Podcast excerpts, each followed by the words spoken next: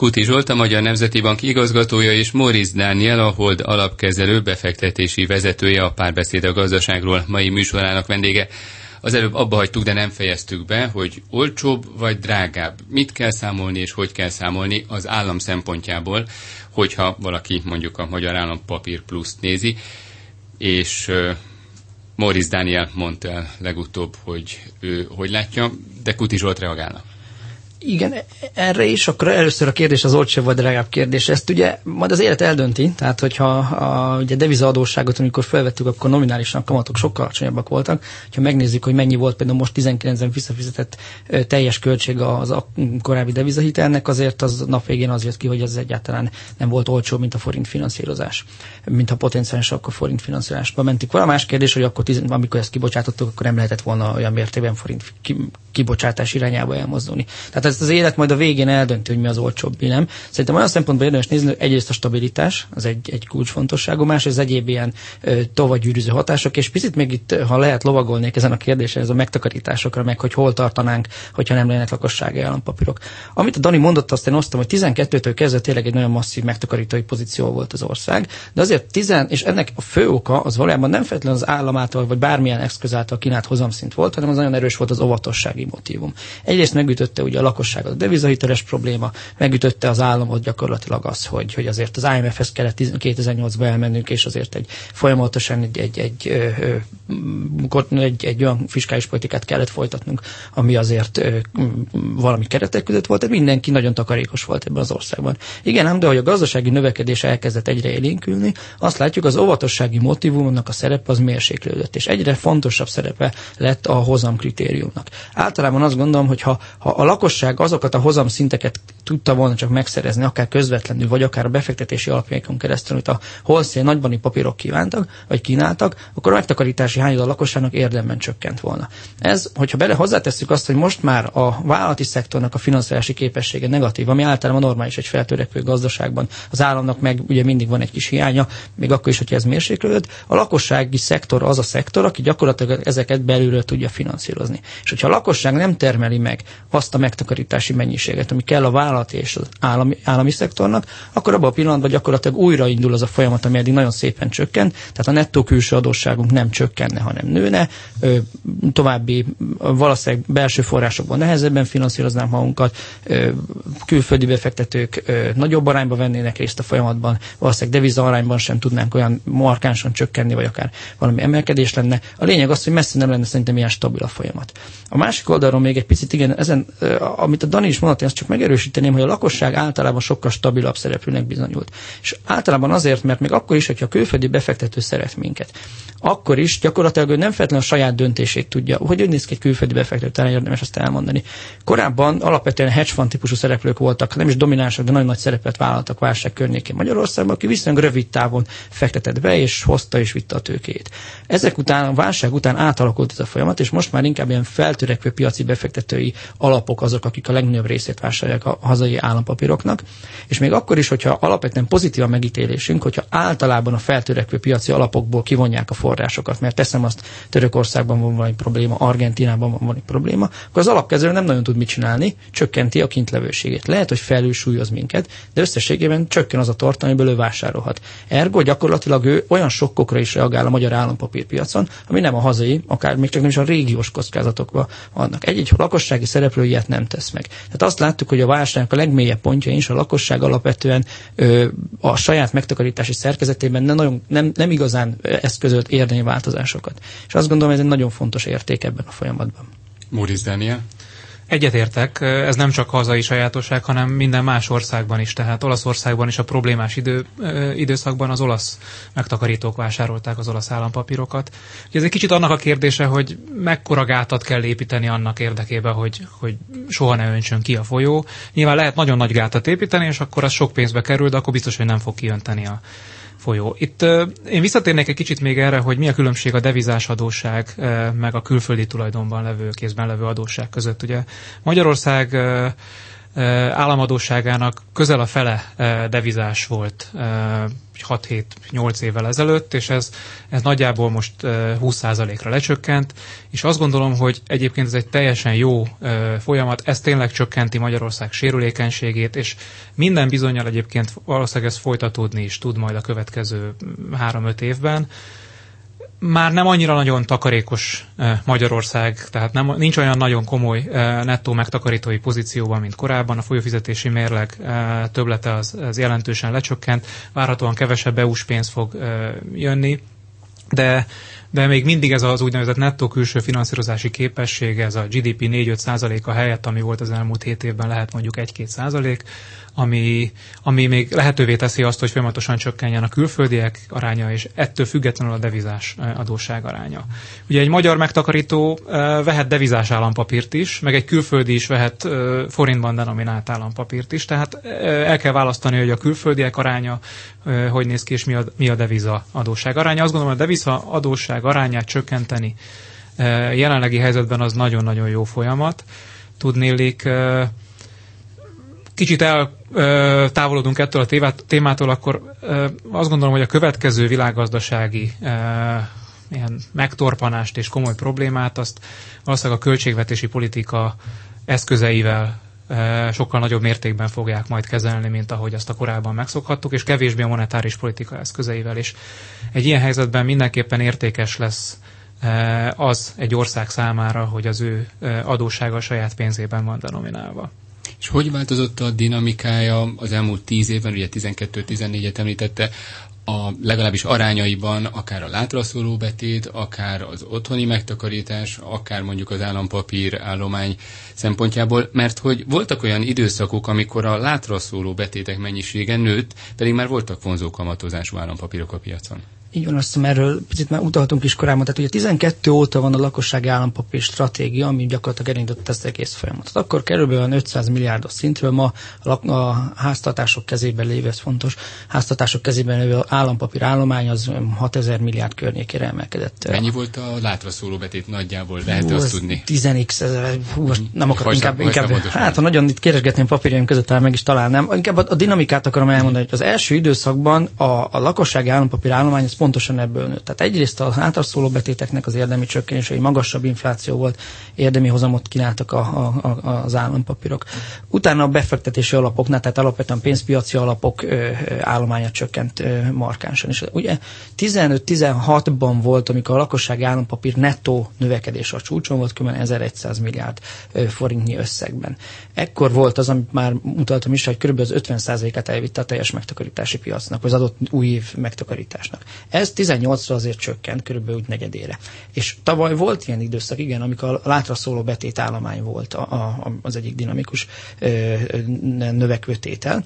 Több oka is volt. Egyrészt, amit már utaltam, az elérhetőség. Másrészt az ingatlan piac ö, szokták mondani elemzők, hogy gyakorlatilag azzal, hogy ennyire pörög az ingatlan piac, és folyamatosan van egy olyan készpénzállomány, ami, ö, vagy akár betétállomány, ami potenciális felhasználásra vár, ezért nem fektették be, mert mire elutalja, visszajön a ö, annyi annyi költség termelődik, amiért nem volt értelme akár másik típusú papírba betenni. De harmadik, hogy igen, amit Dani is mondott, hogy vannak azért olyan szereplők, akik kevésbé kockázatérzékeny, vagy kevésbé kamatérzékenyek, ott van a számlájukon a pénz, és ezzel ugye el vannak. Nyilván egy vonzóbb kamatozású eszköz ezeknek a szereplőknek az arányát csökkenti, úgyhogy körülbelül ez a dinamika, amit kérdezett. Moritz Daniel? Egyébként lényegében az AKK, az Államadóság Központ azt elég jól megtalálta, hogy ezzel a, az árdiszkriminációval ő el tudja azokat érni, akik, akiknek nem vonzó az intézményi kamatszint, és számukra megemelte a kamatot ha, ha így nézzük, akkor valamennyire azért Magyarországon a monetáris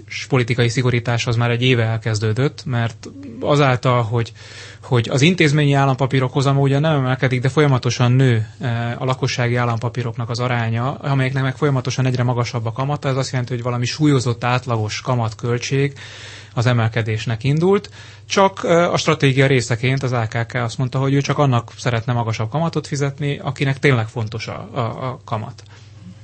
Regionális? Van a, bocsánat. Bocsánat, még egy gondolat ezzel kapcsolatban, hogy van, annak, van annak, ennek azonban egy, lehet egy hátulütője is. Szerintem egyébként még nem vagyunk ott, de, de hogyha ha egyébként kanibalizálja a, az olcsó forrásszerzési lehetőségeket ez a drágább állampapír, akkor ennek van egy olyan hátulütője, amit kiszorítási hatásnak szoktak nevezni, hogy a, a magas államadóság finanszírozási költség, vagy magas kamatszint, az eltereli lényegében a megtakarításokat, egyébként a jobb megtérülésű, a gazdaság hosszú távú növekedését jobban e, támogató beruházásoktól, befektetésektől. Szerintem még nem, nem ez a helyzet, különösen utalva vissza arra, hogy jelen pillanatban mondjuk bankrendszer nagy részében ilyen 70-75-80 százalék a, a hitel per betét mutató, tehát hogy bőven van még a bankoknak olyan forrásuk, amit ki tudnak hitelezni, hogyha van hitelkereslet.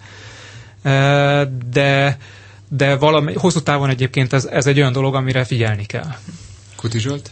Igen, ez fontos. Egyrészt ez a 70 százalék körüli hitelbetétel, ez egy nagyon nagy puffer. A másik oldalon, hogy még szerintem változottak el, a válság előtti időszakhoz képest, hogy vannak olyan jegybanki eszközök, akik viszont direktben hatnak a finanszírozási költségre. Tehát az NHP-t érdemes talán kiemelni, ahol gyakorlatilag a, bank, a jegybank adja azt az olcsó forrást, ami gyakorlatilag pont ezekre a produktív beruházásokra ö, elérhető a KKV-k számára, és masszívan használják is. A másik pedig ilyen lesz majd a növekedési kötvényprogram, ami ö, gyakorlatilag ugyanezt a koncepciót olcsó forrás biztosít be, ö, olyan vállalatoknak, akik ezt megjelenik, és jó ö, beruházásokat, produktív beruházásokat tudnak bele végrehajtani. Tehát szerintem ilyen szempontból is érdemes még ezt a dolgot vizsgálni, hogy, hogy ez a kanibalizálás ilyen szempontból jóval később jöhet el, mert ott egy olyan másik forrás, amihez tudnak nyúlni a bankok.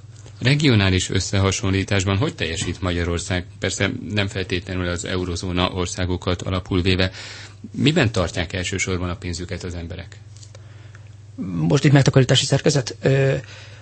Készpénz arány az nagyjából a régióban, azt mondom, vannak olyan országok, ahol magasabb, vannak olyan országok, ahol alacsonyabb, de alapvetően most a tágabb régiót mondom, hogy a közép-kelet-európai régiót. Nincs a fejemben a, a, a szám, de inkább a nagyobb arányban vagyunk, de nem vagyunk nagyon kiugróak. Persze vannak országok, ahol ez az arány az alacsonyabb. A lakosság, közvetlenül birtokolt lakossági állampapír arány az, az lényegében jóval alacsonyabb minden más országban. Tehát Magyarországon a világon egyik legmagasabb, ez a közvetlenül birtokolt. Azt hiszem Málta, aki arányaiban nagyobb, de ott egy jóval kisebb államadóságból birtokolnak nagyobb részt. Ezen kívül valószínűleg, de ezt talán Dani jobban tudja, a befektetési alapoknak a szerepe szerintem más országban viszont nagyobb. Moritz Daniel, befektetési alapok szerepe. Igen, itt még visszautalnék arra, hogy alapvetően itt a régióban van néhány olyan ország, ahol jóval kisebb az államadóság mértéke, és nyilván ott az kevésbé e, tölt be fontos szerepet a, az adott ország e, pénzügyi megtakarítási szerkezetében.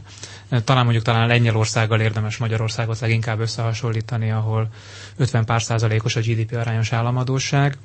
Eh, ahogy, ahogy Zsolt is mondta, ez fontos dolog, igen, hogy, hogy Magyarország most már jóval eh, a régiós átlag fölött van a közvetlenül tartott lakosság állampapírok arányában. Befektetési alappiac az teljesen különböző a, a régióban. Vannak olyan országok, ahol elsősorban mondjuk a, a tőzsde nagyobb szerepe miatt egyébként a befektetési alapok is jobban tér tudtak hódítani a megtakarítások körében, például Lengyelországban, ahol egyébként pont emiatt egy kicsit kockázatvállalóbb is egyébként a, a, a lakosság, tehát nem inkább vegyes vagy, vagy részvénytípusú megtakarítások is nagyobb arányban szerepelnek a portfóliójában. És milyen változás jöhet, vagy milyen változás lehet Magyarországon az alapkezelők szempontjából versenytárs ez az új befektetési forma? Az alacsony kockázatú termékek esetében egyértelműen versenytárs.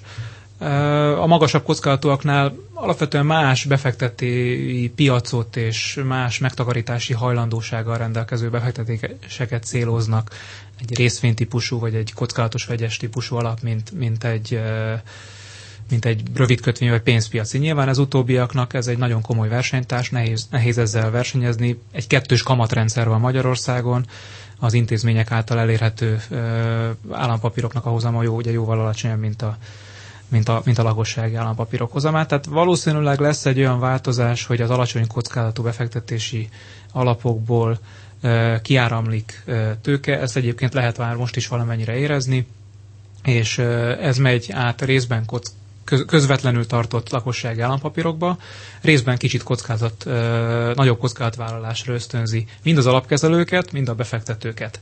Olyan szempontból ez egy érdekes, vagy egy nehéz helyzet, hogy Nyilván nem közvetlenül egy válság után vagyunk, amikor nagyon olcsón lehet vásárolni eszközöket, és érdemes nagy kockázatot vállalni. Kicsit tartok tőle én személy szerint, hogy hogy ez, ennek lehet egy olyan mellékhatása, hogy, hogy a nagyobb kockázatvállalásra akkor kényszerül rá ilyen szempontból akár a szakma, akár a befektetők, amikor nem biztos, hogy ennek hosszú távú befekt, hozamokat tekintve itt van most az ideje. Ugye tíz éve tart már a, nem Magyarországon, hanem globálisan a, a fellendülés és a mondjuk alapvetően a részvényárfolyamok emelkedése. Kulti Zsolt? Én csak egy kis kiegészítést tennék ahhoz képest, amit Dani elmondottam, hogy egyetértek a, a, az elmondottakkal, hogy érdekes lesz ilyen szempontból a kötvénypiac szerepe. Lengyelországból Dali is mondta, hogy gyakorlatilag nagyon élő kötvénypiac van, kis és vagy inkább közép és nagyvállalati szektor, az nagyon aktív piacot tudott képíteni, Magyarországon gyakorlatilag ilyen egyelőre még nem létezett. Most viszont egy bank változtat, pontosan egy új programot indít, megutaltam is a növekedési kötvényprogramot, és azért reményeink szerint ugye kötelező lesz tőzsdén megjelenni ezeknek, ezekkel a kötvényekkel, hogy önmagában önmagában ez egy új olyan szegmens teremthet, ami eddig még nem volt Magyarországon, nyilván egy kockázatosabb szegmens. Gyakorlatilag ez egy olyan befektetői kört, aki ezeknél a lakosság állampapíroknál nagyobb hozamot szeretne elérni, gyakorlatilag őket be tudja vonzani. Ez érdekes lesz a jövő időszakban, hogy mennyire sikerül ez. én, én ezzel kapcsolatban egyébként elég eh, szkeptikus vagyok. Egyrészt azt látom, hogy a, vállalati hitelezésben nagyon erős verseny van, tehát a vállalati, pláne a, a nagyvállalati hitelek esetében a kockázati felárak olyan alacsonyak, tehát a bankok nagyon-nagyon olcsón finanszírozzák a vállalati szektort, tehát nyilván nem ők lesznek rászorulva arra, hogy, hogy kötvényeket bocsássanak ki. A kisebb szereplők pedig attól tartok, hogy túl kicsik lesznek ahhoz, hogy hogy egyébként kellően nagy igényt, keresletet tudjanak támasztani a befektetők részéről. Alapkezelőként ugye az egy nehéz ö, probléma, hogy egy, egy részvény alapkezelése során ö, kevésbé fontos a diversifikáció és a kockázatok megosztása, egy vállalati kötvény alap esetében, hogyha az ember egy ilyet kezel, akkor sokkal fontosabb, hogy nagyon sok uh, kibocsátó uh, papírjából tudjon vásárolni, és így porlassza a kockázatokat és ehhez persze egyrészt az is fontos, hogy sok értékpapír legyen, meg az is fontos, hogy ezek valamennyire likvidek, eladhatóak legyen, legyenek. És hogy alakulhat át akár a portfólió kínálat? Lesznek, vagy lehetnek új portfólió kínálatok? Létrehozhatnak az alapkezelők új termékeket? Ugye mondta, hogy a kockázat, az talán egy kicsit a kockázat viselés egy kicsit talán megnőhet. Én nem gondolom azt egyébként, hogy ez feltétlenül sok új típusú eh, befektetési alap, befektetési terméknek a létrehozásához vezetne. Inkább valószínűleg mint ahogy az ember általában nem tartja minden megtakarítását egy eszközben. Fontos eleme a portfóliónak a lakossági állampapír, de kell reál eszközöket is tartani emellett, így tehát valószínűleg kicsit meg fog nőni a kockázatosabb termékeknek az aránya a portfólióban, de az alacsonyabb kockázatokat meg részben kicseréli, felváltja ez, a, ez az új lakossági állampapír. Vagyis akkor a portfólió is egy kicsit változhat, vagy a befektetői portfólió összetétele is, ha jól értem.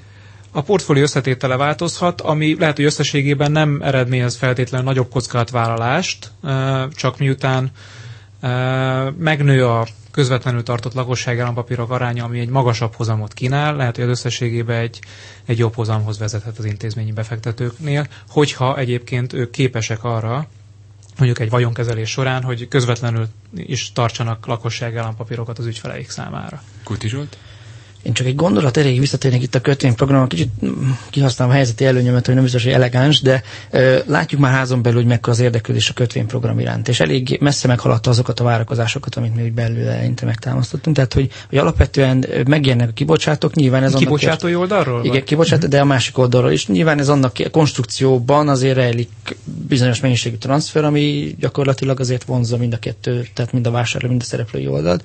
Úgyhogy mi azért ebben reménykedünk, hogy ez a program ez, ez, ez egy pesgést indíthat el a kötvénypiacon, ami eddig gyakorlatilag nem létezett, tehát összességében most egy olcsó forrást nyújtunk, másik oldalról pedig piacot építünk, és ez picit túlmutat azon, hogy összességében csak most rövid távon nyújtjuk ezeket az előnyöket.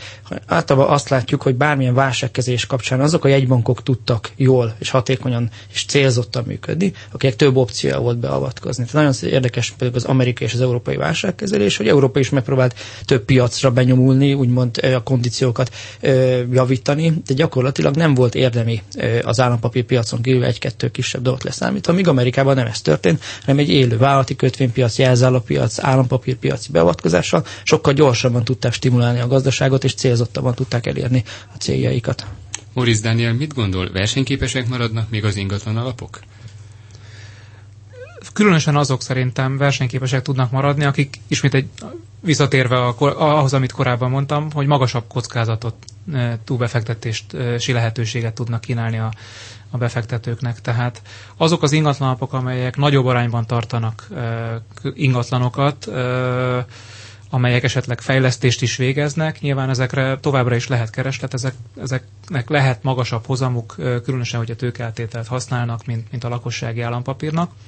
Az egy más kérdés, hogy ezeknek a struktúráját Fontos, hogy a befektetők, akik ebbe beszállnak, tisztában legyenek azzal, hogy valójában ezek kevésbé likvid, lassabban pénzé tehető befektetések, és ehhez igazítani kell a... E, igazodniuk kell egyrészt ők ő saját maguknak a, a portfólió kialakítása során, másrészt a struktúrának is ehhez e, idomulnia kell. Kuti Zsolt ugye mondta, hogy már látnak adatokat, lehet meglepetés, hogy a vártnál talán sokkal nagyobb lesz az érdeklődés, és nem csak az első napokban, első hetekben? Mit gondolnak? Most a lakossági állampapírra kérdezve, a növekedési kötvény. A lakossági állampapírról, hát ugye egyrészt Varga minisztérium az első nap tett nyilatkozatot, hogy nagyon szépen, én az előbb a növekedési kötvényprogramra utaltam úgy, de a lakossági állampapírokban is gyakorlatilag azt látjuk, hogy, hogy legalábbis Varga miniszter nyilatkozata alapján egy nagyon erős érdeklődés volt már az első nap, és azt várjuk, hogy ez, ez fennmarad, és én azt gondolom, hogy azért ez egy ilyen, ahogy terjed általában a, a lakosság körében az, hogy van egy ilyen potenciális befektetés, ez nem csak az első héten ö, kell, hogy addicionális kereslettel legyen, hanem gyakorlatilag azzal, hogy azok a szereplők, akik eddig nem is gondolkodtak benne, de azt látják, hogy a szomszéd, a rokon, a testvér, nem tudom ki, ilyen papírt vásárol, és neki is van megtakarítása, az potenciálisan későbbiekben bejöhet. Úgyhogy azt gondolom, hogy ö, igen, azt várjuk, hogy ez szépen egy kis tervek szerint alakul. Köszönöm, hogy itt voltak. Kuti Zsolt, a Magyar Nemzeti Bank igazgatója és Móricz Dániel, a Hold alapkezelő befektetési vezetője volt a párbeszéd a gazdaságról mai műsorának vendége.